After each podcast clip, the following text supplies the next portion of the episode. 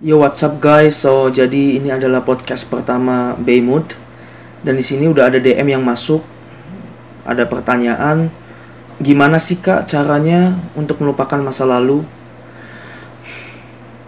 Jadi gini guys, jawabannya simpel aja sih. Masa lalu itu bukan untuk dilupakan. Bahkan itu bisa menjadi kenangan. Tapi yang pasti jadikan masa lalu itu sebuah pembelajaran sehingga engkau bisa buktikan masa depanmu jauh lebih baik daripada masa lalumu. Yo, sampai ketemu di lain kesempatan.